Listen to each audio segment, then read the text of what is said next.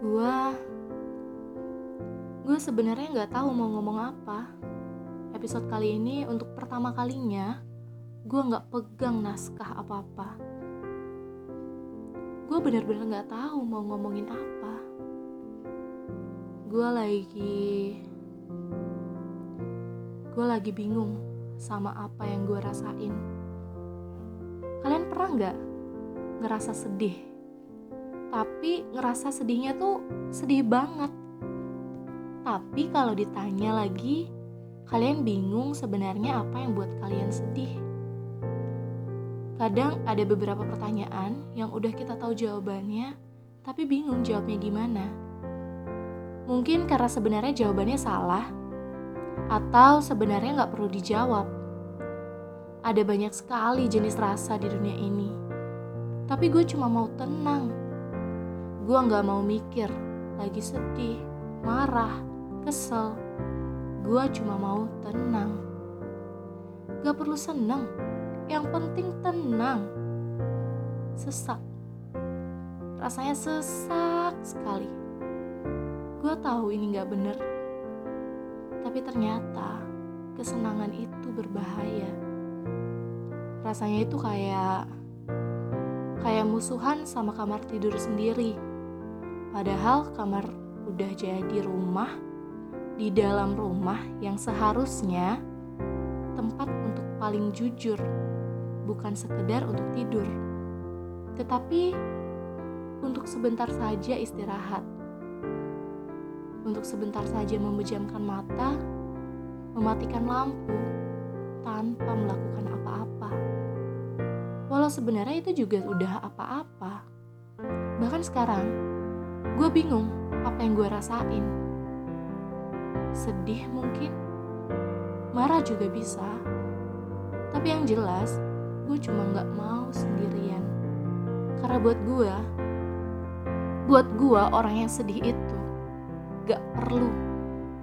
Gak perlu saran, gak perlu pelukan, gak perlu nonton film, gak perlu denger lagu untuk ngerasa aman. Orang sedih nih ya, orang sedih cuma butuh tahu kalau dia nggak sendirian. Ibaratnya kayak waktu sekolah dulu. Waktu dibagiin hasil ulangan, ternyata nilainya di bawah rata-rata. Harus remedial dulu. Takut, panik, malu, sedih.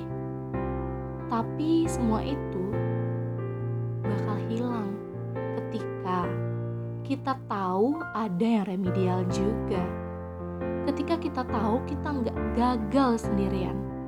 Berarti apa? Kita cuma butuh tahu kalau kita nggak sendirian yang ngerasain itu. Sama kayak kalau lagi ada masalah. Tiap kali gue lagi sedih, dan gue tahu ada orang yang lebih sedih dari gue, gue ngerasa lebih tenang. Gue jadi tahu bahwa bahwa ternyata wajar ngerasain hal-hal menyakitkan kayak gini.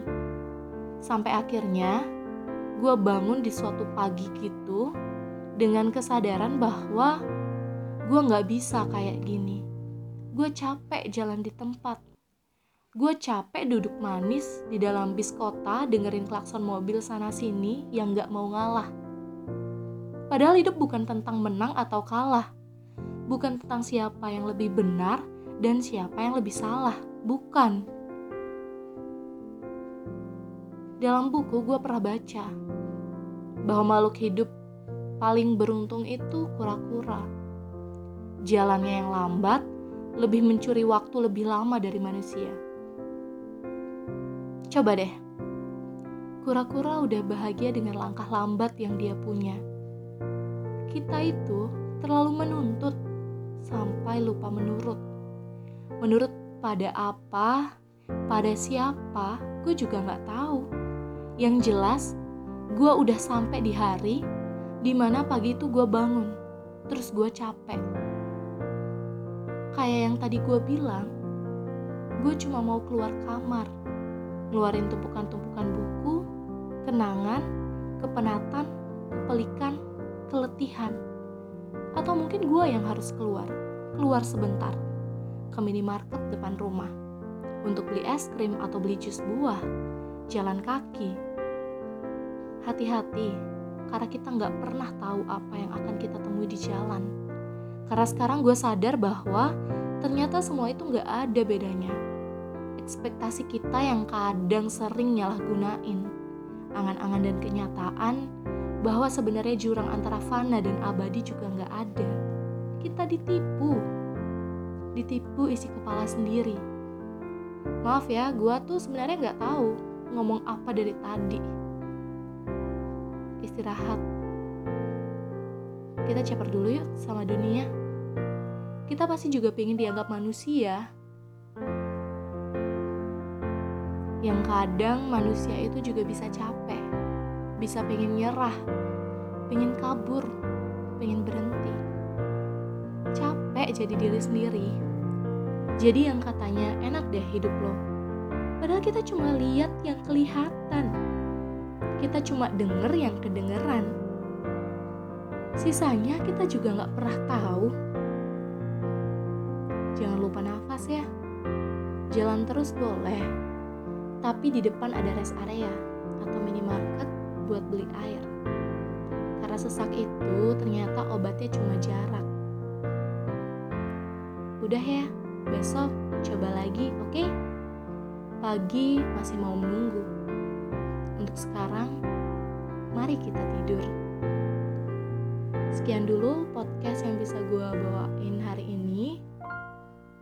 Untuk kalian semua yang masih dengerin podcast gue sampai akhir, gue berterima kasih dan gue gak akan berhenti bilang terima kasih ke kalian. Pokoknya I love you deh. Dan jangan lupa juga buat dengerin podcast-podcast gue selanjutnya.